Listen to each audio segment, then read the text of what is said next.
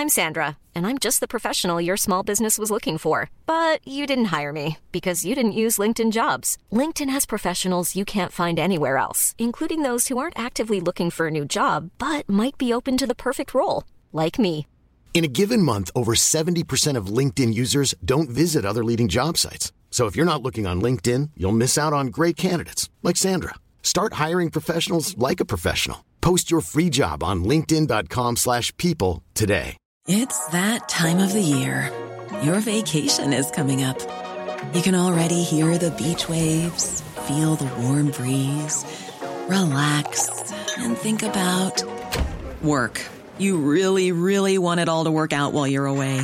Monday.com gives you and the team that peace of mind. When all work is on one platform and everyone's in sync, things just flow wherever you are. Tap the banner to go to Monday.com.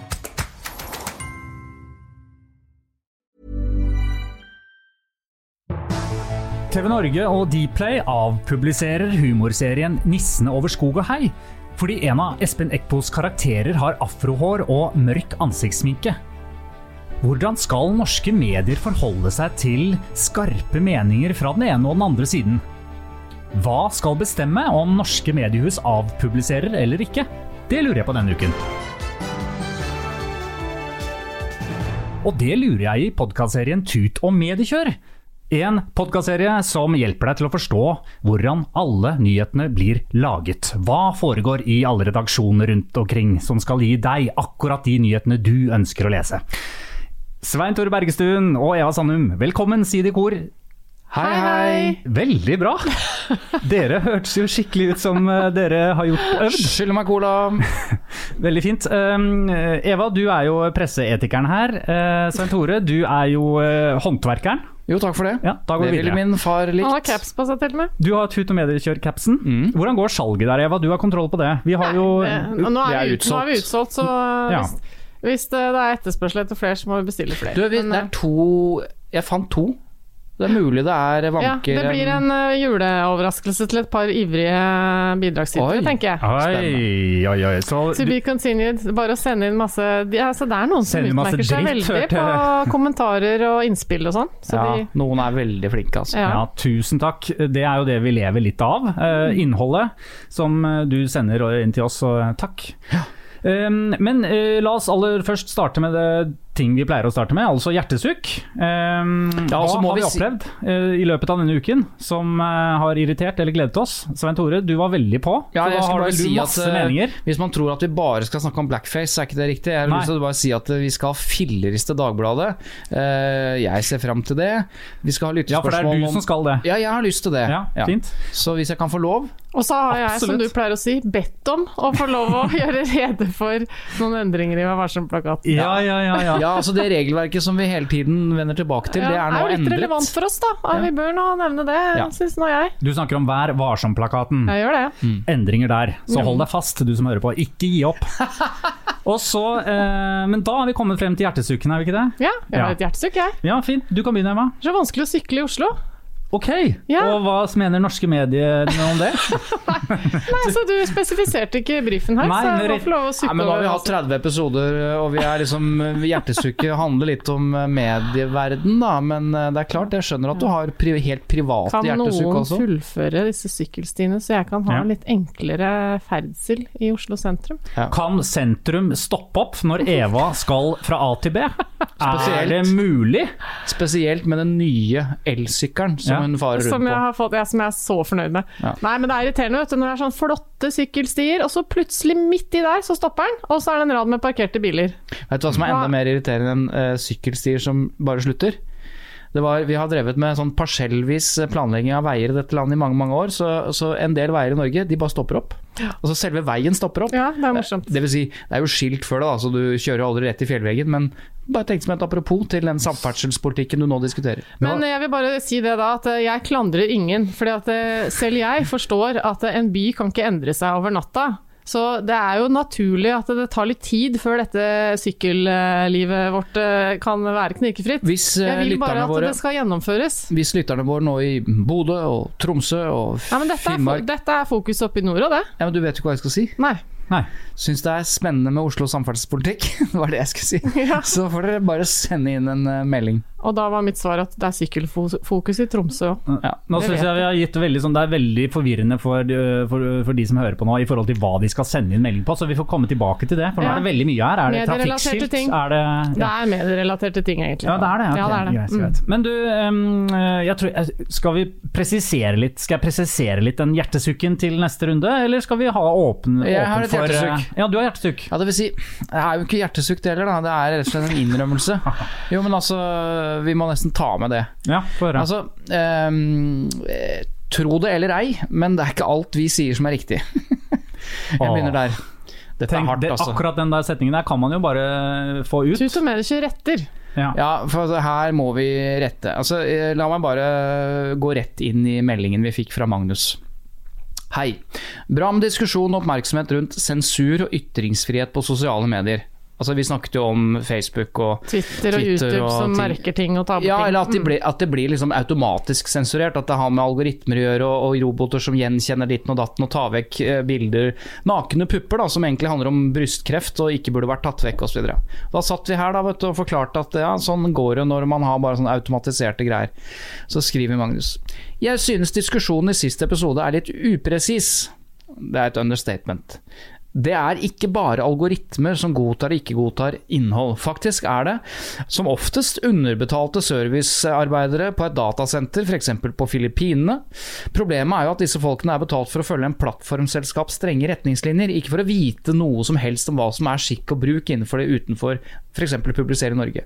Facebook er ikke en demokratisk offentlighet, skriver han. Det faktum bør være et premiss for slike diskusjoner. Ja.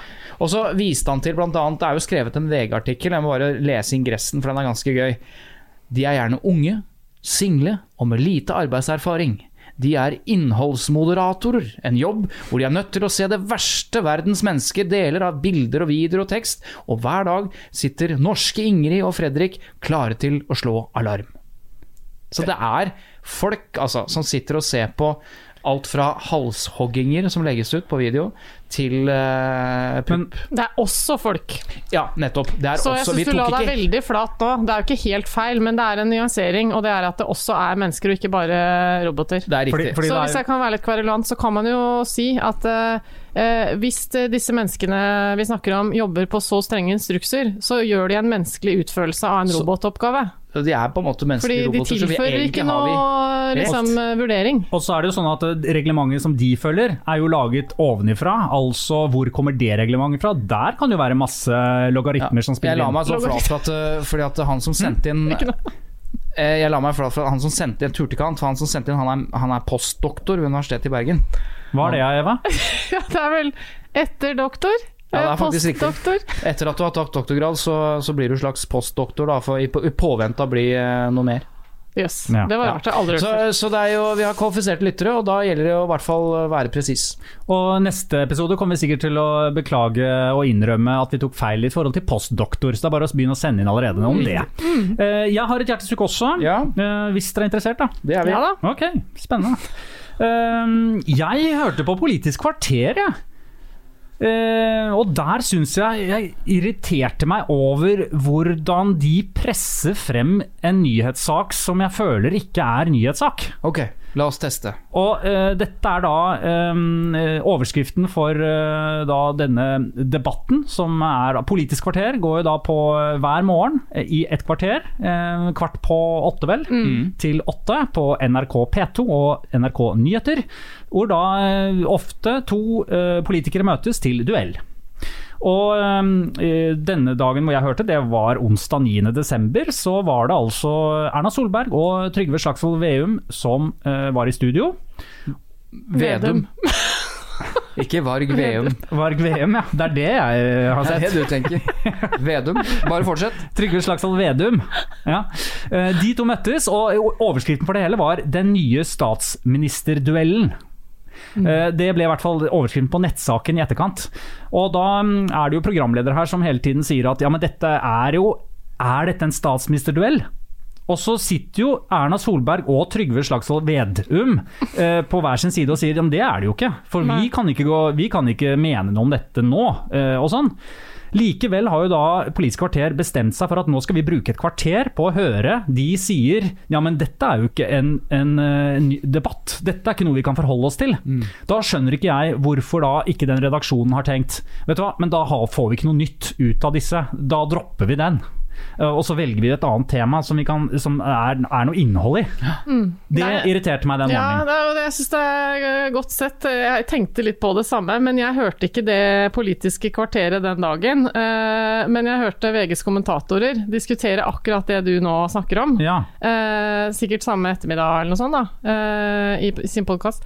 og, og det er jo ikke helt riktig, vet du, for at det, det de sier er jo at ja, men det er jo dette vi vil ha. Det er mye morsommere for oss i mediene hvis det er tre statsministerkandidater, og i hvert fall hvis det er en ny inne som er annerledes enn eh, Erna og Jonas. Eh, Nå er vi på fornavn her, ja. Det er så koselig at det er, det er til å bli kvalm av. Solberg og Støre. Fordi at de er jo blitt litt sånn uh, Gro og uh, Kåre, eller Willoch og Harlem Brundtland da, i sin tid. Ikke sant? De kjente hverandre så godt etter hvert at de hadde en egen dynamikk. Alle vet, Erna Solberg vet akkurat, akkurat hvordan hun skal håndtere Jonas Gahr Støre. på en måte. De har blitt vant til hverandre. Og så snakka de om det at så kommer uh, Vedum inn. Eh, Og så blir det en helt annen dynamikk. Mye mer spennende. Han er en helt annen type, han har Ja. helt annen eh, fokus. og Men helt annen, eh, Det blir en helt annen duell. om, Jeg skjønner jo det at du føler deg litt eller irritert, men dette, det er jo større bilde her. og det som, Grunnen til at dette skjer, er jo selvfølgelig fordi at Senterpartiet, som er da partiet hvor Trygve er partileder, har altså helt historiske målinger. Ikke sant? Det er første gangen eh, du har målinger som viser at Senterpartiet altså ikke bare er splitt større enn Arbeiderpartiet på enkle målinger, men vært det største partiet i landet. Smak på den. Uh, og det er klart at Med det styrkeforholdet som er mellom Arbeiderpartiet og Senterpartiet nå, så er det grunn til at eh, de siste månedene så har eh, journalister forsøkte å finne ut av om Trygve Slagsvold Vedum er en statsministerkandidat. Det er liksom bakteppet. Og Derfor kan de tillate seg å si at de vil jo aldri innrømme Trygve har jo bestemt seg for å ikke si noe om det her. Men det betyr ikke at han ikke faktisk kan være en statsministerkandidat. Altså Blir Senterpartiet større enn Arbeiderpartiet, så er det en reell problemstilling. Og da kan mediene eh, fint eh, sette sammen de for å diskutere, fordi dette kan være den duellen som blir mest interessant. Jeg er lei meg når jeg sier det, men det kan, kan bli sånn. Og da er det jo relevant å høre de i debatt, selv om de ikke vil innrømme at de er Nei man blir jo bare litt lei av å høre at absolutt alle journalister i alle sammenhenger hvor de får tak i eh, Vedum, eh, absolutt insisterer på det spørsmålet. Men det er forståelig at de stiller det. Det er jo på en måte oppgaven eh, Jo, jeg, deres. jeg skjønner også det, men jeg, jeg bare lurer litt på avgjørelsen ved å faktisk bruke et kvarter på det når man ikke kommer noe videre. Man vet at man ikke kommer noe videre på det før man starter. Jo, det er en veldig god Kvarteret. grunn til, for at i det øyeblikket de planlegger dette, så har de ikke noe annet. Ja, ok, Så det er eh, dårlig arbeid, er det Ja, det du sier? dette, nå endte vi opp med dette her. Nei da. Ja, men poenget er eh, at de lager Politisk kvarter hver dag. Og det er klart, det er ikke sånn at de, nå skal de tenke hva denne dokumentaren skal handle om. Dette her er dag til dag avgjørelser. Nå er, nå er det viktig å ha debatt mellom disse to, for de representerer to mer interessante ytterpunkter da, på sett og vis enn det eh, Jonas og, og Erna gjør. Så eh, selve grepet er, er jo helt greit de, de, at de diskuterer, men jeg kan til nød være enig i at det å liksom mase voldsomt med statsministerduell og sånn, det, når de ikke er med på det, så, så skaper det en annen slags irritasjon hos en lytter, da, f.eks. Christian. Ja, og fordi Tut og politikk, kjør! Ja. ja, ja. Nei, men La oss gå videre. Det eneste jeg sitter igjen med etter mitt hjertesukk her, da, var jo at eh, du var enig, Svein Tore. Ok, da går vi videre. Eh, og da skal det handle om uh, blackface, Discovery og nissene på låven. Nei, nissene Nei. over tut og hei. Nei, ja. Over skog og hei. Ja. Bra. Og da skal det handle om uh, blackface. Hva er det for noe, Christian? Ja, hva er det? Altså, det er jo eh, den gamle skikken fra 1800-tallet, vel, som eh, var sånn at man, hvite mennesker malte seg svarte i ansiktet, og dermed skulle fremstille eh, svarte mennesker. Eh, og på en ofte nedlatende måte, og doven eh, måte. Altså litt sånn Og På en slags humor, uh, humor Det var, det var vel ofte da eh, en mobbete undertone i det. Ikke, og Det var hele poenget, tror jeg. At man skulle ja, ta på seg litt løsnes og, og svart hår og male seg med skokrem. Og uh, Utgangspunktet nå for at vi tar det opp, er jo selvfølgelig at TV Norge og Dplay de har nå bestemt seg for å avpublisere humorserien 'Nissene over skog og hei', Uh, fordi en av Espen Eckbos, uh, Espen Eckbos karakterer har altså afrohår og mørk ansiktssminke. Vi snakker her om denne karakteren som heter Ernst, Øyvind Tvedt, og her kan du høre et lite klipp fra eh, denne karakteren. Hvorfor det? For det er altfor høyt blodtrykk. 180 på 120 i blodtrykk. At hos tre forskjellige leger alle sier at det er det høyeste blodtrykket de noen gang har målt hos en 27-åring. Heldigvis så ble jeg vegetarianer i siste liten. Hvis ikke så hadde han antakelig vært død. Jeg tenker på det. Klonenes kamp. Jeg skal sette ut Klonenes kamp ut i hylla her, men så er det ingen plasser hvor den hører hjemme. Jo, riktig. Der. Ja, Ja. Han snakker sørlandsdialekt, ja. Ja, ja absolutt. Um, hva Han er tenkte du? treig, han er ordentlig treig. Han er treig, sørlandsdialekt, og har da også eh, eh, Espen Eckbo har, har da eh, mørk ansiktssminke på seg. Ja. Um, Og så har det vært poengtert av mange da, at uh, det er mange ting han Eller det er flere ting han karikerer i denne karakteren. Ja, og så er det jo et Eh, poeng- også en eh, liksom, sørlandspersonlighet som Ja. er en stor del av denne karakteren. Men, men det er ikke det som er mest synlig. Altså, det er synlig at den er svart i ansiktet og har, Afrohår. har eh, afrohår. Ja. Så det er derfor det er blitt et påstått blackface-tilfelle, og derfor, eh, om ikke det var ment rasistisk, så er det i hvert fall eh, Blackface er jo definert som et rasistisk grep, da. ja. Og derfor så protesterte mange. Og denne protesten startet jo eh, på Instagram-kontoen rasisme.i.norge. De har ca. litt over 30 000 følgere. Um, og, um, og, og ut fra alle reaksjonene som kom frem der, hvor skuffet de var over at Dplay nå skulle sette opp denne serien igjen på ny i 2020, uten å ta stilling til dette, eh, ble så sterk. eh, og Dplay opplevde det tydeligvis sånn at de valgte å avpublisere. Og da er jo det store spørsmålet her eh, Hva er det som skal bestemme om norske mediehus skal avpublisere noe eller ikke? Ja, nå stiller du Nå lurer jeg fælt på hva Svein Tore kommer til å svare. Nei, men Jeg hadde tenkt å spørre deg, Eva. Da kan jeg si som Svein Tore pleier å si. Ja. Det er det mediene selv som bestemmer. Nei. Standardspørsmålet eh, til Christian er jo ofte sånn Hvem skal bestemme? Hva er reglene? Hvordan skal vi løse dette? Og svaret er alltid Det må mediene selv bestemme. Ja, men, Men jeg, jeg syns ikke det er så lett. på. Jeg hva du ikke det er så Hvem lett. Nei, påvirker du- beslutningen? Hvem påvirker beslutningen? Og det har jo veldig mye å si for beslutningen, selvfølgelig. Mm. Og bare for å ta kortversjonen her. eh, Det er jo eh, Discovery i Norge, og det her burde jeg egentlig meldt meg inhabil, for begge de som uttaler seg om dette, har jeg, har jeg vært sjef for, og jeg kjenner Ja de godt. men det, det får være greit. Ja, det var det jeg hadde tenkt å si. Det Ja. driter jeg i. Den CV-en din driter vi også. Så da kan du bare komme deg videre. Uh, sagt på en annen måte, eh, Discovery har tatt den avgjørelsen og innrømmer at de ikke hadde tenkt godt nok gjennom det. Og de sier at rasisme i Norge På forhånd, debatten jeg har ikke tenkt godt nok gjennom avgjørelsen. Nei, nei, Nei. de mener avgjørelsen er riktig, Ja. men at de publiserte dette eh, og vi, Så er det viktig å skille her nå. Dette er jo ikke en serie som bare ligger i strømmetjenesten Dplay. Det, det var en eh, reprise. altså De satte opp en ende ni år etter at den ble laget.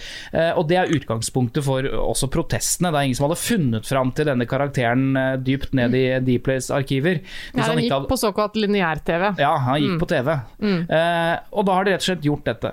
Hvem skal bestemme Nei, de mener at uh, siden det er et rasistisk grep, selv om ikke intensjonen var det, så kan det oppfattes sånn. Det kan oppfattes støtende. De tar den av etter en veldig, veldig vanskelig uh, avgjørelse. Og sånn som det har blitt fremstilt uh, utad, så er det jo De tar den jo av pga. denne Det var Instagram-kont- denne Instagram-kontoen som startet det. Altså en relativt liten del av befolkningen så, som på en måte um, og Ja, de tar den ikke av pga. av den kontoen, men de ble gjort oppmerksom på at, uh, at, at faktisk eh, noen reagerte. Og avgjørelsen er jo basert på at de mener de mener at eh, her er det mange som kan føle seg støtt. Ikke bare rasisme i Norge, Instagram-folka, men, men, Ja, men jeg syns vi kan godta tabloidiseringen til Christian. Det var Ja, på men grunn av at denne Ja det, ja, det var jo utløsende for at de, at de begynte å diskutere dette og tok beslutningen. Ja. Og, da, og da, er det, da er det på en måte litt sånn og um, Jeg leste også Stellan Hjelpseth Østli fra Oslo FPU. Han var også inne på det, noe av det samme som vi nå snakker om. Uh, for Han også skriver sånn Skal med, norske mediehus på en måte godkjenne en, en, um, eh, en aksjon, på en måte. Fra en, Anerkjenne, ja. anerkjenne en aksjon i en retning. um, og dermed ta en avgjørelse som gjelder, som da blir eh, gjeldende for hele befolkningen. Nei, altså jeg, jeg kan jo si hva jeg mener om dette. Ja, selvfølgelig, det er jo derfor du er her. Eh, altså Jeg syns det var helt greit Jeg, jeg er enig i at å ta vekk den reprisen Altså, som om, fordi Folk vet jo ikke om det er en reprise Altså Ikke alle vet at det er en reprise, og da blir det oppfattet som et humorprogram som går nå, i dag, i 2020. Og da er det relativt tonedøvt eh, å ha blackface, enten du kaller det det eller ikke. Eh, det, er, det hører ikke hjemme i, i, i vårt samfunns skal vi si, klima, da. Hvis du tolker det som blackface, da. Ja, og det tror jeg barn på tolv år lett eh, ikke kan definere hva som er blackface. De ser bare at noen som har malt seg svarte i ansiktet og etterligner en, en svart person. Eh, og hvis du da er tolv år og svart person, så tror jeg ikke det er noe ålreit. Så jeg, jeg syns den er helt grei. Ja, det, Det- syns du, men jeg tror ikke at du har absolutt alle med deg på det. Så vi kan ikke legge det som et premiss at det Nei, er et selvfølgelig har jeg ikke det. Det er derfor det er en diskusjon. Jeg har jo ikke Ja. alle med meg på det. Nei. Men bare, bare for å fullføre. Jeg syns den avgjørelsen er grei, den delen av det. Ta det vekk fra Dplay. Det så jeg er helt idiotisk. Ok, hvorfor det? Jo, for det er noe helt annet. Altså Dplay eller eh, arkivet til NRK eller TV2 Sumo, eh, at det er ting der som er lagd i en eller annen tid med en gitt intensjon, det er jo en del av det, eh, av det historiske arkivet. Der er, Eh, der er jeg helt enig med deg. Det er helt, jeg mener det er helt håpløst. Det bør være der. Det er ingenting i, i Dplays arkiv eller NRKs arkiv som kommer opp i trynet på deg. Det må du aktivt hente for å se på, og hvis det skulle bli tatt vekk La oss si at borettslagets eh, liksom Det gamle borettslaget da, med Robert Stoltenberg, der det også var noe eh, den type karakterer, at det av hensyn skulle tas vekk fra arkivet, sånn at det ble borte uten mulighet for å vurdere det i dagens kontekst, uten å forske på det hvis man vil det, hva vet jeg. Det, er, det kan man bare ikke gjøre. Det er, det er dumt. og det er jo akkurat det resonnementet der, har jo også NRK, som har like mange potensielle sånne problematiske eh, serier og dokument... Altså, Ja ja, det er flust av Innhold, da. krenkende ting for alle og enhver. Så la oss høre hva Per Arne Kalbakk sa om akkurat det, eh, når han var og diskuterte denne saken her på Dagsnytt 18. NRKs TV-arkiv det er 150 000 programmer, eh, 68 000 timer tror jeg, med TV-innhold fra 60 år. Det er norsk TV-historie, det er norsk kulturhistorie. Og oppi alt dette finner man også humorinnslag og annet som sett med dagens øyne eh, ikke virker særlig passende. Men, men hva, hvilke vurderinger vi, gjør vi da, for det er jo det vi vil frem til? Nei, vårt vi mener at det arkivet skal være tilgjengelig eh, for, for publikum eh, som et, som et historisk arkiv. eh, Og som også kan problematiseres i sammenhenger hvor det, hvor det er eh, riktig å gjøre det. Men som arkiv i NRK TV Spiller så ligger det der. Tilgjengelig for, eh, for den som vil se, tilgjengelig for forskere, for den som vil debattere det. Ja, det, det, jeg, jeg skjønner jo at dette er NRK eh, og Kalbakk som mener, kan si og mene noe sånt, men jeg vil jo si at eh, har TV Norge og Dplay den samme ideen om å være et historiearkiv? Er ikke det mer en NRK-oppgave? Nei, det handler ikke om NRK eller Dplay. Altså, eh, Espen Eckbo, på det tidspunktet her, så er liksom norsk humorelite for ti år siden var samlet, kretset rundt TV Norge. Enten det var Thomas Giertsen, Atle Antonsen, eh, de fremste vi hadde. You name it. Ja, eh, og de lagde en type humor eh, som var eh, jævlig bra for ti år siden, som ikke tok inn over seg selvfølgelig fremtidig debatt om dette. De burde kanskje ha tenkt det, men de gjorde ikke det. Og, og Det spiller ingen rolle om det er på TV Norge eller om det er på NRK. Dette er et stykke humor, en del av, av humoren i Norge på det tidspunktet ble laget. Og det skal bevares. Det skal ikke trøkkes opp i trynet på folk. Men det skal bevares. Jeg ser ikke noe, jeg ser ikke noe godt argument for at det skal bort. da, Men det jo, sånn. det, det ser jo jeg. Det var jo nettopp det du sa i starten, som du mente selv. Altså, Hvis man tolker det dit hen at det er en blackface-opplevelse for noen Jo, unge, da- så hvor, hvorfor skal det ikke da bort? Fordi at det er forskjell på å sitte og se på TV. Det er en passiv. Du, du, sitt, du kan slå på TV-en, og du får, kan få blackface-humor rett i trynet. Uten at du har bedt om annet enn å få på TV-en. Ja. Det er TV. Ja. Hvis det ligger i Dplay, eller i, da må du aktivt først søke det fram, hente det fram. Du henter det fram, du ser at dette er fra 2009.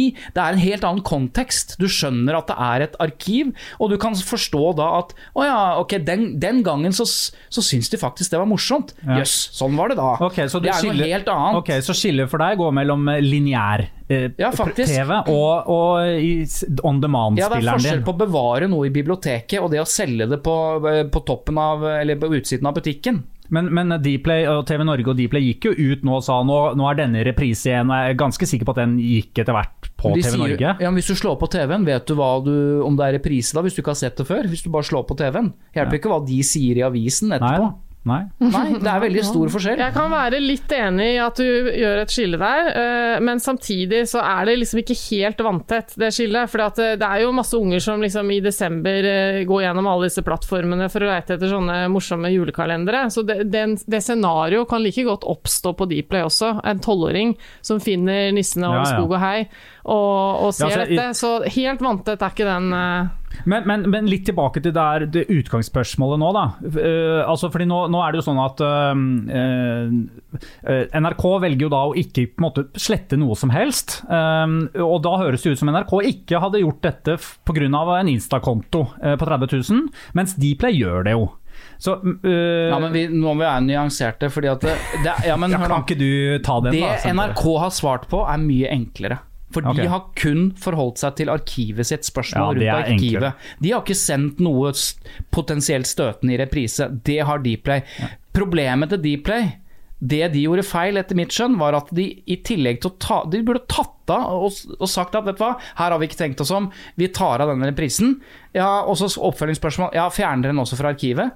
Nei, det gjør vi ikke. Det er noe helt annet. Det satt jo til og med han som har initiert debatten i Dagsnytt 18. Han sier det kan være en fin ordning det å bare å fortsette ha det, sånn som jeg oppfattet han. Så det var jo ikke et rop om at alt skulle fjerne, alle spor etter denne karakteren skulle fjernes. Ja. Så de, også, de, overkompenserte, da, mener jeg. Det er jo også et enklere spørsmål for NRK, fordi at eh, det, det andre svaret hadde ikke vært mulig.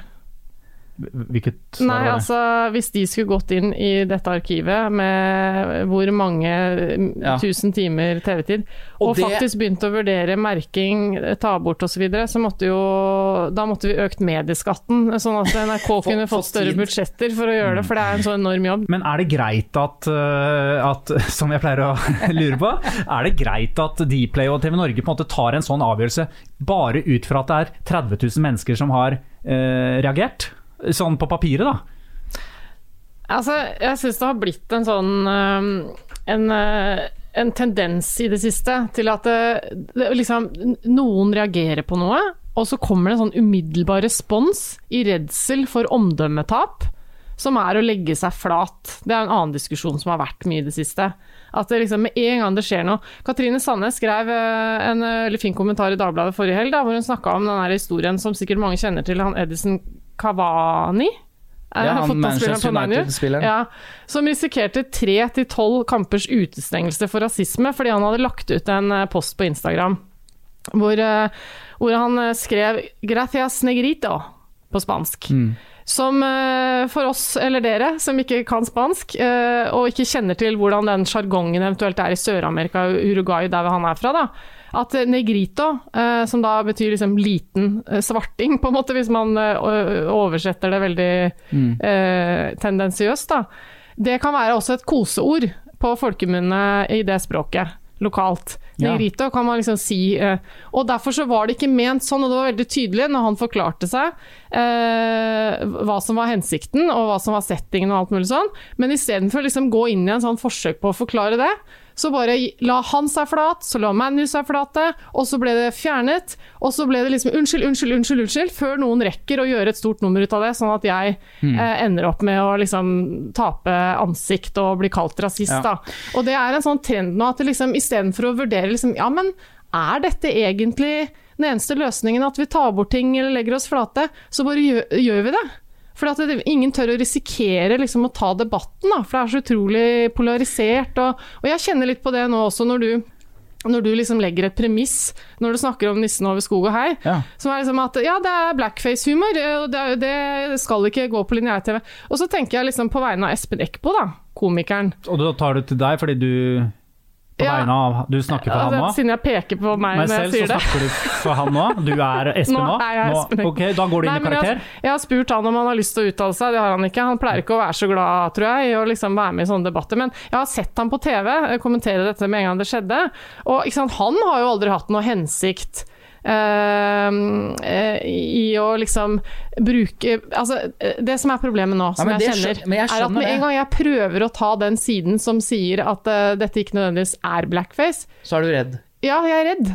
For at uh, jeg vil ikke, orker ikke tanken på eh, alle som skal da liksom eh, sette meg på den ene siden av dette med en gang. Jeg debatten har blitt Og så innmari sånn derre Det, det syns jeg er en, jeg si, nesten den metadebatten. At du frykter uh, nesten, eller du er litt redd for å si hva du egentlig mener. I frykt for at det skal bli bare ko-ko folk som bare eh, spammer deg ned. Jeg synes Ja, det er vel så interessant. Da. Ja, ikke sant, hva jeg tenker underveis i resonnementet mitt. da. Ja. For at det jeg tenker er jo eh, Det er mange ting som har vært sagt i denne debatten. F.eks. at det, i en serie som både Robert Stoltenberg og Espen Eckbo, som er komikere, som har liksom en form som er at de ofte spiller de fleste karakterene i sine humorunivers.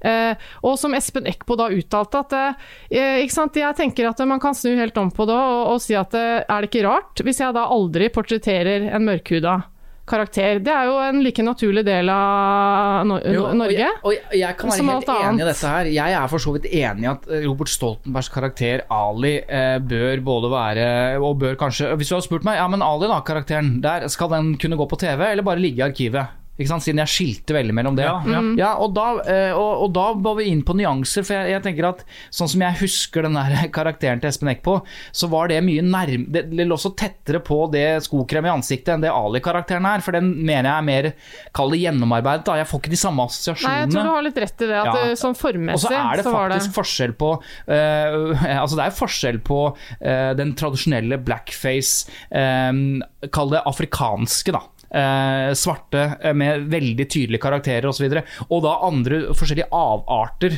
av liksom eh, Hva skal jeg si altså, Og det å portrettere pakistanere eller kinesere eller hva det måtte være. Det, altså, portrettere en kineser, da, vi maler deg gul i ansiktet og gjør noe med øynene, er det da blackface? Nei, det faller ikke un under det. Så Yellow. face, Men poenget mitt er bare at uansett hvordan vi liksom beveger oss inn i denne diskusjonen her, så er det igjen fare for at vi, og da er det ikke bare meg hvit, liksom, men deg hvit kvinne og alle som forsøker å, å intellektualisere og forsøker å forstå dette, så er, det all, så er veldig mye av den debatten litt fånyttes, mener jeg.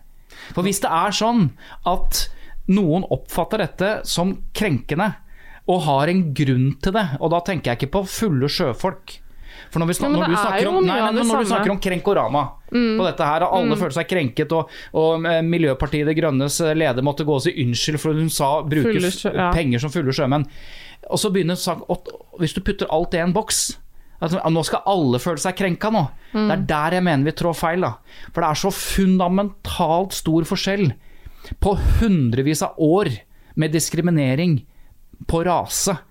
Og det å ta enkelt enkeltgrupper som er fulle sjømenn eller funksjonshemmede eller hva det måtte være. Jeg tror vi må liksom Det er, det er et område her som er vanskelig å prøve å intellektualisere, fordi er det krenkende, oppfattes av en sånn gruppe, I'm Sandra, and I'm just the professional your small business was looking for. But you didn't hire me because you didn't use LinkedIn jobs. LinkedIn has professionals you can't find anywhere else, including those who aren't actively looking for a new job but might be open to the perfect role, like me. In a given month, over 70% of LinkedIn users don't visit other leading job sites. So if you're not looking on LinkedIn, you'll miss out on great candidates like Sandra. Start hiring professionals like a professional. Post your free job on linkedin.com/people today. There's never been a faster or easier way to start your weight loss journey than with PlushCare. PlushCare accepts most insurance plans and gives you online access to board-certified physicians who can prescribe FDA-approved weight loss medications like Wigovi and Zepbound for those who qualify. Take charge of your health and speak with a board-certified physician about a weight loss plan that's right for you. Get started today at plushcare.com slash weight loss. That's plushcare.com slash weight loss. plushcare.com slash weight loss. som bærer på den historien, så er det liksom drit, Da er det litt sånn drit i å debattere det. Bare tenk at nå er det feil. Nå er det feil å sende på TV. Ja, Vi driter i det. eh, og nå er jeg redd igjen for å si det som faller meg inn. Fordi at det liksom kommer til å komme ut feil, og så blir jeg tatt til inntekt for å ikke forstå dette som du prøver å forklare. Som jeg jo gjør. Si det, Men, si, si det først, og så kan vi heller Ja. kjefte på det etterpå. Eller klippe det vekk. eh, i min logikk så er det på en måte en veldig stor forskjell hvis, det, hvis man liksom Ok, for å vise en helt normal person som tilfeldigvis er mørk i huden, så må man liksom ha mørk hud. Hvis du skjønner? Det er bare et faktum. Det er ikke noe stigmatiserende ved det. Og det syns jeg ofte er mye når denne rasismedebatten kan komme opp. ikke sant? Så kan det være litt sånn at det, uh, Hvorfor sier du det? Er du rasist, liksom? Og så bare Nei, jeg bare påpekte noe som er helt sånn objektivt faktuelt om en rase. Det samme kan damer gjøre noen ganger. Hvorfor sier du det? Er det bare fordi at jeg er dame? Nei, altså jeg bare poengterer et faktum, liksom. Det blir ofte litt sånn her at du kan ikke gjøre noen ting som handler om noe som eh, er om noen mørkhuda eller om noen kvinner, uten at det blir tatt til inntekt for at det handler om akkurat Men, det. men det er akkurat der Det er akkurat der når du sier enten det er mørkhuda eller det er kvinner. Og det er Ja. sånn, Nei, drit i den sammenligningen. Ja, men det er jo to at- eh, ting som har vært problem i lang, lang tid med en Ja. gruppe som har vært under... Det er helt riktig. Men, men det, det jeg prøvde å si i stad, at hvis i det øyeblikket man begynner å sammenligne krenka grupper, og begynner å sammenligne alle som kan føle seg krenka, det er da man begår den feilen. Du kan ikke sammenligne Jeg mener du kan ikke sammenligne kvinner og svarte heller. Fordi selv om eh, kvinner har slitt gjennom all tid og vært underlegne osv., så, videre, så er det nå en gang sånn at det er ikke den samme historien. Det er ikke det samme som uretten som har gått begått gjennomgående mot én gruppe mennesker. Altså, Altså- i, I min logikk så er det de, de, de tetteste øh, eksemplene som befinner seg på Ja, men ta mest black, lignende ta, bare avslutte Blackfest-greiene. Det er jo ikke et stort problem. Fordi det er jo, som han sa i Dagsnytt 18, han som representerer rasisme i Norge, det er jo i dagens eh, miljø, da, enten det er humor eller film eller hva det er, ja, så ansetter vi åpenbart svarte skuespillere som skal portrettere svarte. Så enkelt er det. Og det er ikke noe problem. Og så kan man jo ikke si ja, men det kunne ikke Espen Eckbo gjøre, gjøre, eh, av to grunner. På det tidspunktet var det ikke den samme sensitiviteten på det. Og for det andre, poenget var at han eller Robert Stoltenberg spiller alle karakterene. Så hva, hvor stort er dette blackface-problemet, når du skal insistere på det humoristiske rommet, at man skal kunne gjøre det? I dag er det, tror jeg bare det er så enkelt som å si at hvis du er en komiker som skal spille alle rollene i en serie, så kan du ikke gjøre blackface. Du kan ikke male deg i ansiktet og, og gjøre det på den måten. I dag. Jeg tror, og, og er det en innskrenkelse av liksom alle humoristers rom? Er det, en, eh, er det en innskrenking av ytringsfriheten, eller er det bare et veldig lite problem? Dere, vi eh, går videre, men vi skal til et lyttespørsmål som har Nei, hva er den plingen? Det er vel PFU Er det noen Det som er har det selvfølgelig! Ja, men er- Nå- er det det noen som er har felt? i PFU-plingen. Nei, Nei, felt. Det var en annen nyanse på den plingen. Er det det? Ja, det er ikke er- felt i PFU. Det er endringer av selve regelverket. Oi, oi, Det var en da- høyere diskant på Ja, den plingen. Ja, stemmer det. For da, da må jeg nesten forklare til du som hører på. Vi har jo ofte en pling, en boing, hver gang noen blir felt i PFU, som er Pressens faglige utvalg. Men denne boingen var jo litt annerledes, tydeligvis, så hva skjer? Nei, det er noen endringer på gang, og la meg prøve å forklare. Eh, veldig enkelt. Nå høres det ut som sånn fjortis som skulle si noe til læreren. Nei, det er noen endringer på gang, og min stil har blitt startet med. Nå kommer særoppgaven Ja. til, eh, til Eva. Endringer i, i Vær varsom-plakaten. Ja, altså, Hva skjer? Bare sånn, Varsom-plakaten er pressens eget regelverk. Det er jo ikke sånn at staten har lagd noen regler og sånn, så i motsetning til veldig mange andre land, så opererer jo pressen i Norge liksom under sånn frihet under ansvar-logikk, da. Eh, Så Vær er pressens eget eh, holde seg i øra-regelverk. For, eh, for dem selv. Og så mm, eh, er det jo sånn at den, eh, den ble jo laget, denne plagaten, i 1936, og det, det er ikke sånn endringer hver gang det er noe som er litt vanskelig i Medie-Norge. Når det kommer opp et nytt dilemma, så skriver vi et nytt punkt, liksom. Det, den plakaten der, den revideres veldig sjelden. Det er ikke noe blackface som skal inn der nå. Nei, ikke sant. Det er ikke sånne ting. Det er liksom helt overordna Ja, retningslinjer. hvor ofte er det, er Nei, en gang hvert tiende år, liksom. Og så har det vært litt så dette oftere. er. Litt oftere de siste, kanskje hvert femte år. Men altså, det er ikke mye, i hvert Nei, fall. ok. Det er sjelden, da. Og så eh, er det sånn at for halvannet år siden, faktisk, og det begynner å bli en stund siden, så ble det nedsatt et utvalg som skulle se på en mulig revidering i det kapitlet som handler om eh, liksom, forholdet mellom journalister og kilder. Altså journalistisk atferd. Hvordan du skal behandle kilder, anonyme kilder. Og der satt du. Og det utvalget satt jeg i, for at det, det som var foranledningen var jo egentlig at eh, eh, at det ble mye diskusjoner eh, etter den saken på Bar Vulkan med Giske og hun Sofie, husker dere det? ikke sant? Selvfølgelig. Eh, fordi at det var mye greier, mye debatt i mediene eh, i den tida. Fordi at det ble mye sånn eh, Så ble det litt mye, det sitatet til hun Sofie. Eh, det ble diskutert om hvorvidt det faktisk var et sitat hun hadde sagt, om det ble gjengitt riktig, var det det hun mente og sånn. Og så når folk begynte å debattere dette her, så kom det liksom for en dag at det, folk ha, i mediene også, i pressen, har veldig ulik oppfatning av hvordan man, liksom, hvordan man siterer, annet, Ja. et intervjuobjekt. Og, og hva som er akseptabelt å, å ta med eh, liksom en liten setning ut fra en lang samtale på en restaurant, masse sånne ting. Men de begynte resultatet, liksom- resultatet var at VG ble felt i en historisk fellelse på fem punkter i, i, i eh, pressens faglige utvalg. Ja da, i den saken så ble det det. Men som sagt, dette var bare foranledningen da, for at Norsk Presseforbund, som er de da liksom som forvalter Vær varsom-plakaten, det er de som eier den og arrangerer at Pressens faglige utvalg skal sitte og vurdere klager opp mot den eh, plakaten og sånn. De tenkte da setter vi ned et utvalg bestående av fire mennesker, jeg var en av dem, som, eh, som skal vurdere alt det som har med premisser og kilder og kontakt mellom, eh, mellom intervjuobjekter og journalister. For å se om, eh, om det er så mye sprik i liksom, oppfatningen av disse reglene at de må strammes inn. Nå er jeg spent på disse endringene. Ja, og det tok jo da, som jeg sa, halvannet år. Så nå har jeg virkelig skjønt eh, eh, hva sånne prosesser er som jeg irriterer meg grønn av i politikken, liksom. Jeg har sett ned en komité, og så skal det på høringsrunder, og jeg tenker bare sånn Å, gud bedre, liksom. Alt tar så lang tid, men det har dette gjort òg. Ja. For vi ja, ja. jobba jo veldig mye et halvt år, og så har det vært et år med liksom høringsrunder og sånn, da. Foreløpig har det- har, du bare har du bare fortalt at dere jobbet veldig mye i ett og et halvt år. Ja, Jeg kan jeg få lov å få litt kred for alt det arbeidet? Ja, kjempekred for arbeidet. Kan jeg få en applaus, til og med? Jo da. Men da får jeg lov til å bare skyte inn når du skal gå inn på endringene, at jeg trodde ikke det skulle bli noen endringer.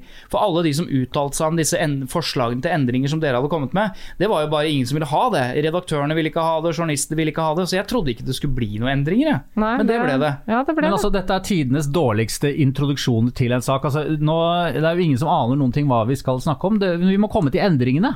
Ok, masekopp! Ja, Ok. Ok, så I det punktet som handler om å klargjøre premissene, som Svein Tore alltid har vært veldig opptatt av, du sier det veldig ofte, at mm. det er utrolig viktig at eh, en journalist gjør det tydelig i møte med en, eh, et intervjuobjekt hva som gjelder for Hva den situasjonen. Hva er det vi skal igjennom nå? Er det et intervju? Er det en Ja. bakgrunnssamtale? Gjør premissene klare. Og det er jo journalistens ansvar, alltid. Det har vi terpa på mange ganger. Eh, og nå tar de altså vekk det som tidligere sto om at uh, en sitatsjekk f.eks. må avtales i forkant av dette intervjuet. Uh, men de har bare understreket at det bør, bør avklares, og at det skal spesifiseres. Og at avtaler må holdes. Så Og det, hva det er bare egentlig en forskjellen på det gamle og det nye? da? Nei, det har ikke Christian tid til å gå inn i. Jo, men altså, det, det, nå syns jeg det begynner interessant, Fordi nå er det noe konkret. Men altså, jeg synes jo det, ty, det forrige hørtes jo mye mer tydeligere ut. Du skal avtale i forkant, men nå går man altså bort fra det og gjør det litt mer uh, ullent, opplevde jeg det. Den nye teksten. Fordi at uh, i praksis så var det ingen uh, som holdt den regelen om at uh, det må avtales i forkant. Men hvorfor skal Vær varsom-plakaten eh, da gjøre sine regler eh, mer lik sånn som man ikke skal gjøre det? Hva mener du? Ja, men altså, ideen her må jo være at man skal gjøre det i forkant. Nei, det, Det- det er viser seg å være veldig upraktisk. Fordi at eh, du ender opp i en intervjusituasjon med en journalist, og det er først når du skjønner eh, hvordan intervjuet går, at det kan oppstå liksom, her er det kanskje lurt å ha en sitatsjekk. Du misforstår. man- Du Ja. misforstår, Christian. Vi, snakker ikke om at, vi snakker ikke om at premisset ikke skal avklares i forkant. Nei da, sitatsjekken. Det skal avkla- Premisset må være klart, Ja. men avtale om sitatsjekk, Ja, at du skal ja. få lov til å sjekke dine egne sitater opp mot fakta, det er en, egentlig en styrking sånn sett. Av, du trenger ikke å huske på at du skal gjøre det i forkant. Nei. For da kan jo eh, journalisten si at Hei, du, vi gjorde ikke det i forkant. Eh, Ja, det skal avtales. Det er god presseskikk å klargjøre premissene i kontakten med kilder.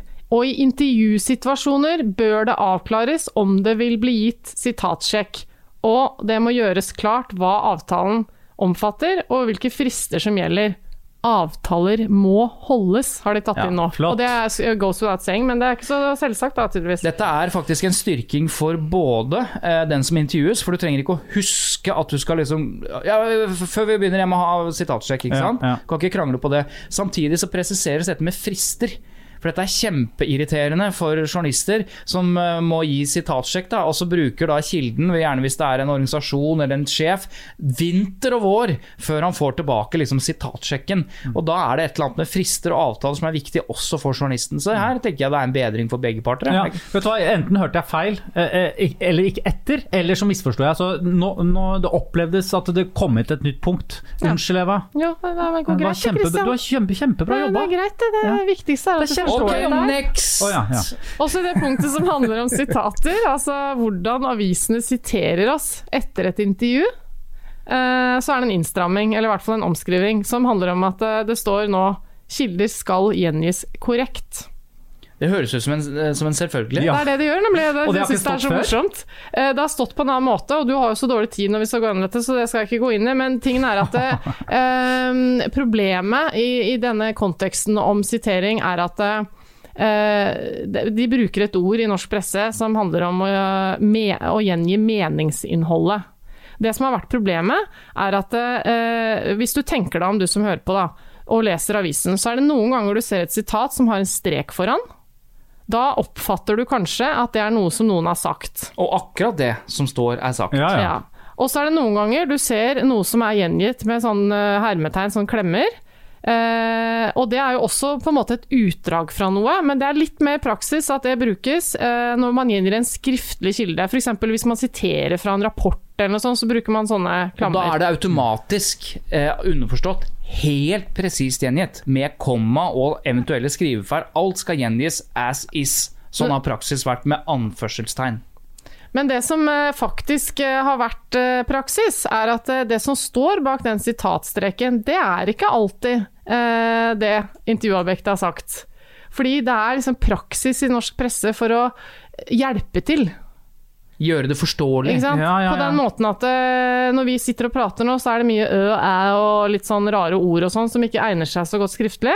Og det kan det også være når Erna Solberg prater. Og, Og ikke bare er ø, liksom- men det kan være feil bruk av verb. Og syn altså, Ja. Det kan være at du, Og det du kan være folk med dårlig til. norsk og alt mulig rart. Men Ja, ja. den endringen du snakker om nå, som sier at, uh, at man skal gjengi korrekt, den gir vel også rom for å ta vekk feil og ø, altså det, Ja. Men det er, en slags, det er en slags endring allikevel. Hovedpoenget eh, med innstrammingen som har skjedd eh, rundt dette, er at eh, man skal sørge for at man gjengir det som intervjuobjektet faktisk mener, og at det kommer tydelig frem. Men, men det er ikke noe spesifisering av liksom For ikke sant, er, det, tingen er at når du, når du gjengir et intervjuobjekt, så kan du si noe i sitater, og så kan du skrive noe som Christian forteller at han har uh, uh, levd i en familie i mange år som sånn og sånn og sånn.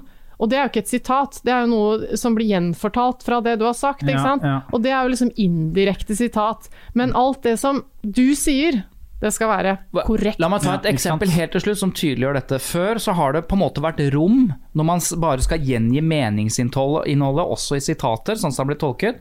Så hvis jeg eh, spør deg, Kristian, eh, er, er du lei deg for dette? ja, det er jeg. Og da, hvis jeg hadde vært skrivende, så er det journalister som har syntes at det har vært greit å da skrive sitatstrekk 'jeg er lei meg'. Ja, ikke sant. For det er jo du har jo bekreftet at du Ja. er lei deg, og da Ja. gjengjør jeg på en måte meningsinnholdet, og da putter jeg det i sitat. Og sånn som jeg oppfatter eh, endringen i Vær nå, når det skal, skal gjengis korrekt, da kan du ikke ta den friheten og gjøre et ja til et 'jeg er lei meg'. Nei, ikke sant. Det er, det, jeg føler at det, det, er ikke, det er ikke sikkert det er sånn det blir, men sånn mener jeg at det Det hvert bør være. Ja. Men la oss bare høre kjapt hva Elin Floberghagen, da, som bestilte denne, dette arbeidet fra Kildeutvalget, hva, hva hun sier om det det har ført til. Eh, En ting er endringene, men en annen ting er hva det har ført til i, internt i pressen, som, som er litt interessant. Det viktigste som har skjedd eh, i etterkant av at Kildeutvalget la fram sin rapport i november i fjor, er at eh, den har utløst mange presseetiske diskusjoner i mediene og i den enkelte redaksjon om hvordan man forholder seg til kildene. Det har vært utrolig viktig, og det har vært gjort mye godt arbeid i redaksjonene det siste året. Mange har også oppdatert sine etiske husregler. Og jeg tror det er litt i den sammenheng man må se den smule kritikken som kom mot å gjøre noe. Ehm, Så vil jeg si at endringene som styret nå har vedtatt i Presseforbundet, har kommet som en naturlig følge både av rapporten og av debattene som har gått det siste året. Og jeg mener altså at de nye punktene i kapittel tre i Vær varsom-plakaten vil klargjøre forholdet mellom medier og kilder på en bedre måte enn før. Hvis jeg skal gjøre noen eksempler på det, så vil jeg si et eksempel er at etikken ikke lenger skiller mellom ulike typer sitater, men i stedet slår fast at kilder skal siteres korrekt. Det er et prinsipp som er lett å forstå for alle, både de som blir intervjuet, de som jobber i redaksjonene og for publikum. Og Det åpner jo da heller ikke for en utvidet tolkning av hva journalisten tror kilden mener. Ja, det var Elin Floberghagen i, i Presseforbundet. Nå har vi gått gjennom to av endringene som nå foreligger, Vær varsom-plakaten, og de blir nå av, ikke sant? Ja, de er vedtatt av styret, som det heter. Vel, av styret, Ja. som det heter. Ja, det har jo vært en runde her. Ja. Men du, eh, da gjør vi det sånn, nå har vi gått gjennom to, og hvor mange endringer til er det? Det er to til, pluss potensielt en til før jul, så vi kan fortsette et par episoder til med dette. Da følger vi videre med, og i neste episode så får du to nye endringer som har skjedd i Vær varsom-plakaten. Men uh, her i dagens episode av Tut og mediekjør, så går vi videre, og eh, neste på tapet Tut og mediekjør-tapetet, eller capen, da, som, uh, så står det her at du, Svein Tore, du skal slakte Dagbladet. Ja, det er en tabloide 3, 2, 1, vær så god. Det er den tabloide varianten som Dagbladet ville valgt, eller gå rett i strupen på. Som Ja, også ja, ja, den er du veldig glad i. Den har du Nei, nevnt altså, mange ganger. Dette startet som en hjertesukk, men jeg løftet det opp fordi at jeg har altså sett meg så grundig lei av disse latterlige, korte overskriftene på dagbladet.no med tilhørende bilder som gjør at eh, kombinert så skjønner man ingenting. Nei. Før man Ikke sant? Før Ja. man trykker på. Trykke på det. Altså clickbait satt i system. Mm. Altså Det er overskrifter som ikke gir noe mening. Uh, og jeg har uh, noen eksempler. Men, uh, men i dag, og det har vi, vi legger ut på Facebook-siden, dette er noen eksempler. Det er bilde av en by, ser ikke helt hvilken. Så står det 'verste noensinne'. Ja. Altså Du aner jo ikke hva som er verst, eller hvor, eller når. Er det lysforurensning? Er det luftforurensning? Er Og så det ser du, og så ser du bilde av en håndballspiller, og så står det 'klar beskjed'. Ok. Klar beskjed, ja. Klar beskjed. Er du inne i laget? Er du ute i laget? Skal du ha barn? Og så står det bilde av en annen eh, en, en fotballspiller. Tyske aviser. Kolon. Sjokk. Han er koronasmittet? Må han hjem? Bare tull, ikke sant? Har han arvet? Eller bilde av en politiker. Hasteinnkaller. Til hva da? Altså, altså, poenget er dette, er Dagblad, dette har Dagbladet spesialisert seg på. Ja, virkelig. og de gjør det fordi, antageligvis fordi det funker. Det skal vi høre snart, for jeg har spurt om det.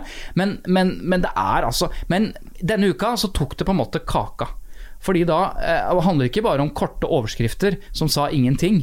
Der var det altså et bilde av varaordføreren i Oslo, Kamzy, som eh, Overskriften er 'Nye Ap-varsler', sitatstrek, ukultur. Altså nye Arbeiderparti-varsler, Ja, vi tenker jo vårt med en gang. Og bilde av en dame. Ok, Hva tenkte du, Eva? Nei, det er nye varsler, da. Hva slags varsler, i varsler da? Arbeiderpartiet. Nei, seksuelle metoo-relaterte varsler. Ja, og det er eh, sitat ukultur. Ja. Ja. Det, det Ja, var det jeg sitat, da ville jeg tenkt at det er bilde, hun det er bilde av, har sagt det. Ja, Som regel er det jo det. Hvis det er bilde av et menneske med en sitatstrekk, så skulle man jo tro at ja. man, Det er det ikke Alt alltid i vi har disse sagt nå, overskriftene til Alt vi har trodd, alt det er helt feil. Okay. Det handler ikke om metoo-varsler. Eh, Det er ikke hun som mener at det er ukultur. Det er helt omvendt. Det er eh, varsler mot henne.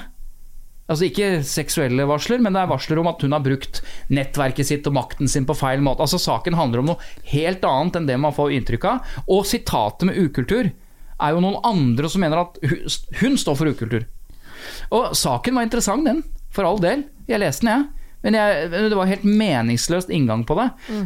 så skal det sies at eh, de endret dette, da. Um, Ok, Etter at du ble så sur? ja, Det vet jeg ikke, men jeg la ut på Facebook, da, som jeg pleier å gjøre. uh, og så endret de dette med varsler. De tok vekk det, og så, sa de ba, altså skrev de bare om ukultur. da Kanskje du har en sånn uformell rolle som sånn desketikkredaktør? i Rådgiver for Dagbladet? Dagbladet-desken. Så svaret på hovedspørsmålet i denne sendingen I denne episoden er jo da altså Er det Svein Tore som skal gjøre sånn at uh, norske mediehus avpubliserer eller uh, gjør om? Ja, da sender jeg i hvert fall faktura til uh, Dagbladet rett etter sending. Ja. Men jeg ringte til nyhetsredaktør i Dagbladet, Frode Hansen, eh, og, og hadde lyst til å diskutere dette med han. Jeg syns det er gøy å diskutere. Skyldte han på desken? Eh, han skyldte ikke på noen, han. Nei, for at det er jo vanlig sånn at de skylder på desken. Ja, men, ja, Men redaktør, redaktøren kan ikke skylde på desken, føler jeg. Det er greit at liksom journalistene gjør det, men han som er sjefen for desken, kan Men ikke forklar si hva det vil si å skylde på desken. Det er ja, Det betyr at når journalister lager saker, Ja. ikke sant? Og, og, har snakket med Christian og lagd et fint intervju, uh, så har jo Christian syntes at dette gikk fint, men så kommer det til desken, altså de som skal presentere dette på fronten f.eks., for Mm. nå er desken basically Ja. På forsiden. om nettet. Og da er det jo andre folk som, skal, som er gode til Mm. å spisse saker, til å lage vinklinger som gjør at vi klikker. Mm. Og det har jo ikke journalisten som har levert saken. Den som gjør det, tar utgangspunkt i hvor langt kan jeg trekke dette? Ja. Hvor, hvor tabloid kan jeg gjøre dette? Og da te, til og med journalisten tenker å fy faen, det der ville ikke jeg gjort, det har, jeg dekning for, er det dekning for det, saken? Og så videre. Så mange Og av det de er det også altså regler for i Vær varsom-plakaten, at det skal være dekning i saken for Men- det som ligger på front, bare så det er sagt. Ok. Tilbake igjen til Dagbladet. Så jeg spurte eh, Frode eh, Hansen hvorfor de har valgt å lage overskrifter som ikke gir mening, eh, og som man da må klikke seg inn på for å forstå. Hvorfor gjør de dette? Ja, Dagbladet har normvekst enorm vekst eh, digitalt, med over 30% vekst i unike brukere på mobil og over 50% vekst på sidevisninger eh, hittil i 2020. I takt med den store veksten her, så ser jeg at, eh, at eh, det ser ut som vi møter, og det er særlig fra bransjen, og i langt mindre grad enn våre brukere, et, et fokus på, på såkalt clickbait. Men dette er jo tabloide virkemidler som er brukt i lang tid av eh, en rekke medier. Det er med andre ord ikke noe nytt. Jeg minner også på at eh, i papiravisens gullalder så var det jo eh, stramme, korthogde titler på front. Eh, så tabloid, eh, tabloid barnelærdom er egentlig det at man alltid har hatt en tittel eller ingress for å, for å fange leseren og få dem videre inn i brødteksten. Titlene skal naturligvis pirre, det skal være oppsiktsvekkende, men det skal naturligvis også være dekkende. Og Det gjelder også på nett. Mm. Men uh, når jeg uh, ser en, eh, en overskrift, da, og så står det f.eks. Uh, 'verste noensinne'. Det er det det står, også bilde av uh, en by. Eller det står uh, bilde av en håndballstjerne, og så det, står det 'klar beskjed'. Så forstår jo ikke jeg hva den altså Jeg forstår jo ingenting av hva det er, eller hva saken handler om. Og da må jeg gå inn. I hvilken grad skyldes veksten til Dagbladet at folk føler de må gå inn og klikke seg inn for å forstå hva saken handler om? Vi skal naturligvis passe oss for at titler og bilder på front blir for intetsigende eller forståelige eller fremstår som forlokkende. Og det, vi har nok enkelte tilfeller der vi ikke treffer på dette.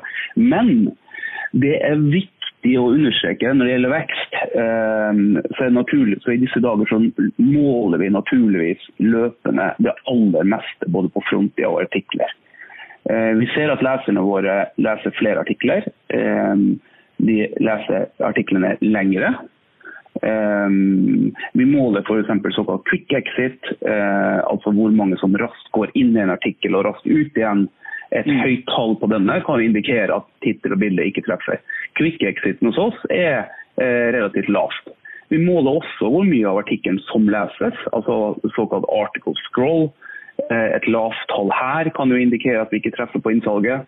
Eh, Vi må også se etter R, altså click-through rate. eh, Altså hvor mange som klikker seg videre i universet og til lignende saker. Også Dette er en indikasjon på om vi treffer eller ikke. Altså For oss er det røde flagg hvis click-exiten er høy, hvis article-scrollen er lav, hvis CTR, click-through-raten, er lav. Eh, og Det gir jo rett og slett en dårlig brukeropplevelse, hvis vi ser at dette, eh, dette ikke treffer. Så Hvis leserne går raskt ut av artikkelen, ikke klikker seg videre, ikke leser store deler av artikkelen, så treffer det ikke.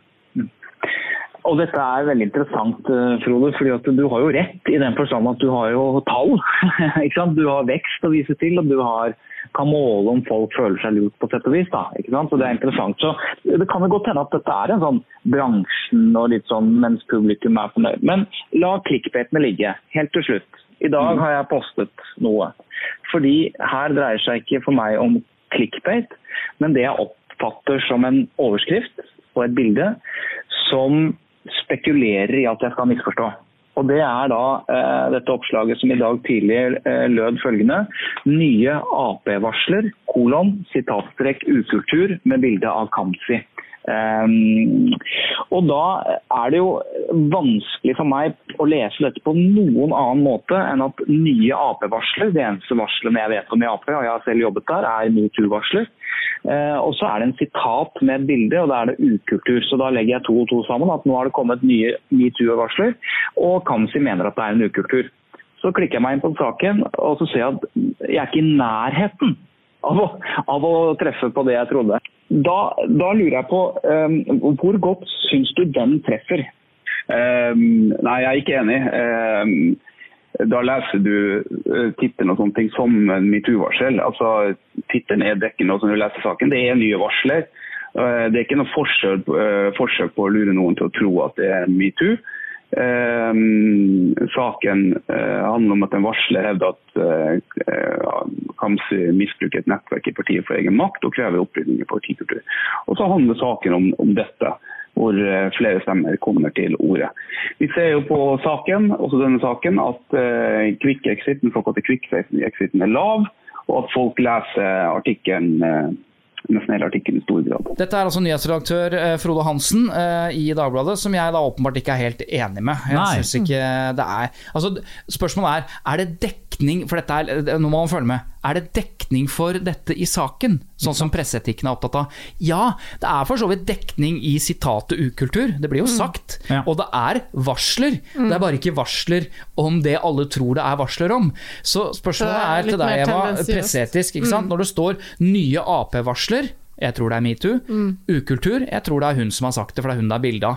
Det er dekning for isolert sett, men Ja. det er jo helt feil. Ja, min personlige mening er at eh, det, det punktet der ofte blir tolka litt for eh, konkret, ikke sant. For at det er dekning for Altså, du kan finne igjen eh, det som Mm. Er lagt på front Og du finner i varsler, saken. og Og, da er de egentlig innafor presseetikken sånn teknisk sett. Og så har vi diskutert noen ganger i Pressens faglige utvalg, men hva med liksom etterlatt inntrykk, hvis det er noe annet, selv om ingenting av det som står er feil. Mm. Hun som er avbildet er med i saken. Det er riktig å si at eh, det er varsler eh, i Arbeiderpartiet, men det etterlatte inntrykket av de tre tingene sammen skaper et annet Det er liksom De blir litt mer oppi Ikke sant? Og det er, Så ikke sant? det er jo en det er vanskelig å felle på det, men jeg mener at dette er et problem når det gjøres hele tiden eh, med overlegg, da. La oss ta, la oss ta følgende eh, tenk, tenke, tankeeksperiment. da. Hvis du, hvis du putter ordene Arbeiderpartiet, varsler, ukultur, bilde av en kvinne. Det, de er ingrediensene. Og så spør du da 100 mennesker. Hva tenker du på? Ja. Jeg tror 99, kanskje 100 av de 100 hadde sagt metoo. Og da eh, hjelper det på en måte ikke at Frode Hansen sitter og sier at eh, jeg, hører, jeg hører liksom at du mener det, jeg mener noe annet. Men en, en viktig forskjell her er vel om, om det er en bevisst strategi fra Dagbladet, fra Ja. desken, om at de hva hva tenker du? det. Hva tror du, Hva tror du? Når du skriver Ap-varsler ukultur og mener noe helt annet. Jeg, um, jeg tror ikke de tenkte på det. Jeg, tror, jeg tror de tenkte at her skal det være kort, her skal det være uh, Jeg tror ikke de var så spekulerte. Jeg jeg er uenig med deg. Ja. Her tror jeg faktisk har sittet ned på desken og tenker dette, når vi skriver Ap-varsler og ukultur, og, og putter Kamzy på forsiden jeg tror jeg er flere trykker enn hvis vi bare hadde snakket om Det- en maktgreie. Uh, altså. Flere trykker, men jeg, jeg må innrømme at jeg tenkte ikke at det var metoo før du sa det nå, Eva. Altså, jeg, det var ikke, jeg hadde ikke Er du den ene av de som jeg assosiasjonen. Din hjerne er så ren. Tusen takk. Og det er okay. det jeg jobber med hver dag. Men uh, hør da, Kristian. Jeg, jeg ga meg ikke der, for jeg, for, fordi dette ble endret. Og Dagbladet Det det endret seg. ikke sant? De endret jo Ap-varsler og ukultur i løpet av noen timer. I løpet av etter at du hadde snakket med Ja, dem. igjen, jeg vet Nei, ikke ikke etter at du- du hadde Ikke snakket med dem, men du etter la at ut jeg hadde dette her post- på Facebook. postet det på Facebook. Ja. Så derfor spurte jeg jo da Frode Hansen uh, Ja, men hvis dette er helt i orden, hvorfor endret dere da?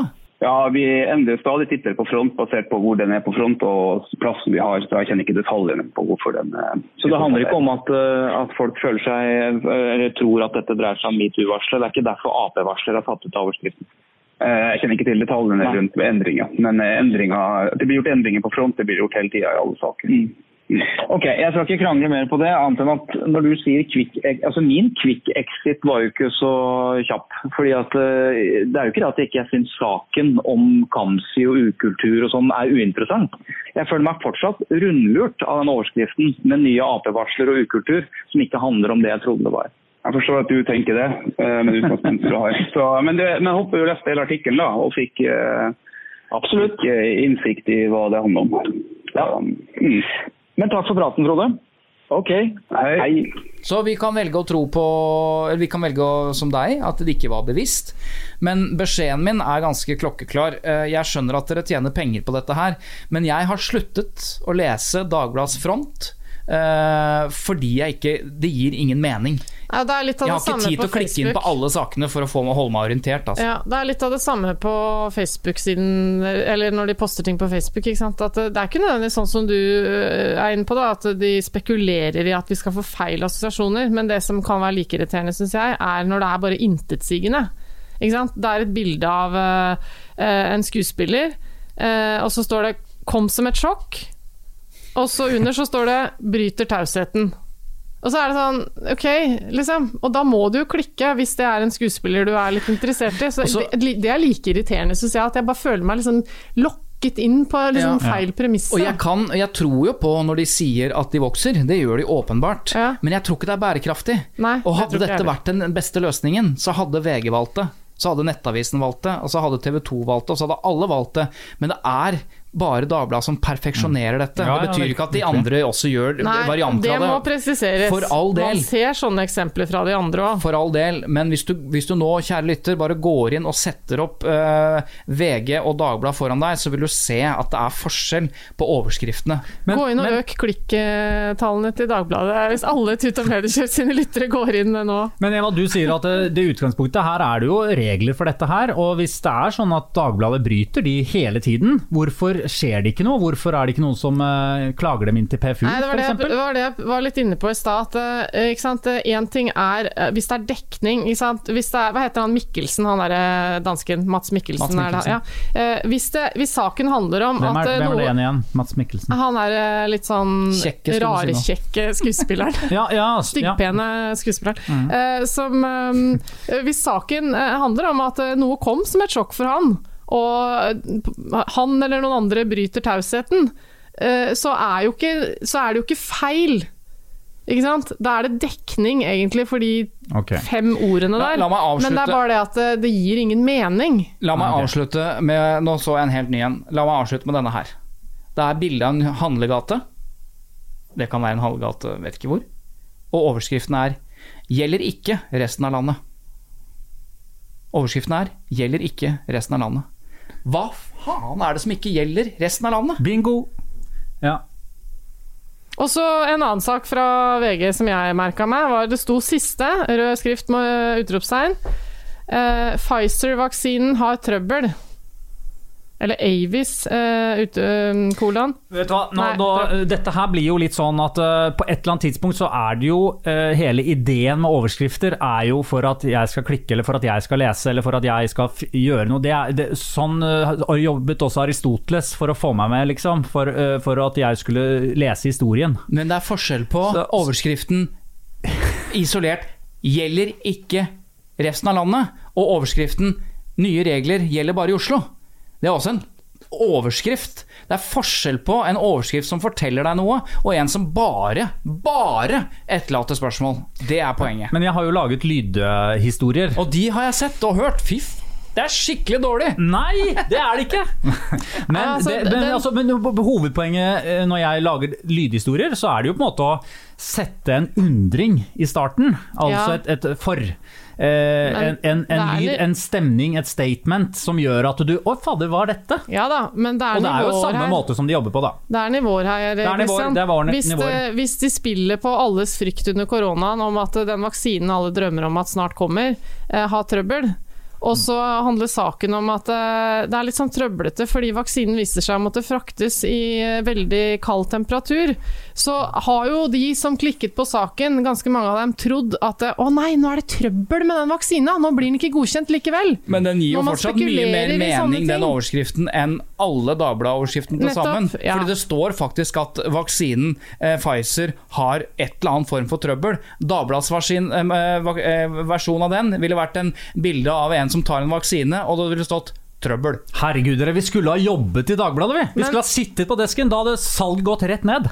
Men hvis spørsmålet ditt er hva er problemet med disse tingene, så er det liksom på et dypere nivå. Hvis man stadig vekk føler seg lurt Ja da, ja, ja. av uh, mediene, enten ved at det man uh, ender opp med å klikke inn på viser seg å være reklame, eller at det man ender opp med å lese om er noe helt annet enn det man trodde. Hvis det skjer hele tiden gjentagende, så går det utover tilliten til de som eh, kommer med informasjonen. Det er liksom utgangspunktet for at man skal være litt skeptisk til at eh, de spekulerer for mye i dette her, da. Svein Tore, nå har du toget, så jeg bare Ja, for nå har du tatt på deg jakka og har Ja, Vi kan runde av, vi, mens du stikker. Ja, okay, Tusen hjertelig takk. Tusen hjertelig takk til eh, du som hører på. Kan vi eh, som slarve altså- litt på ja, ja, slutten? ja, Ja. det kan vi. vet du. Oss to, vet du. Er- Skal vi ta noen lytterspørsmål og sånn nå, eller? Nei, nå slutter vi av. Ja, okay. Eh, Jeg vil tusen alltid takk. fortsette. Ja, du vil jo det. Du har jo eh, masse å pjatte om. Eh, takk forresten, Eva. Eh, og Svein Tore. eh, Bare hyggelig. ja. Takk da må til du deg gå. og Christian. Jo, takk. Dette er altså Tut og Mediekjør du hører på. Eh, Lyd Produksjoner har laget den, og så er vi tilbake igjen neste lørdag, selvfølgelig. Mhm. Hei. Ha det!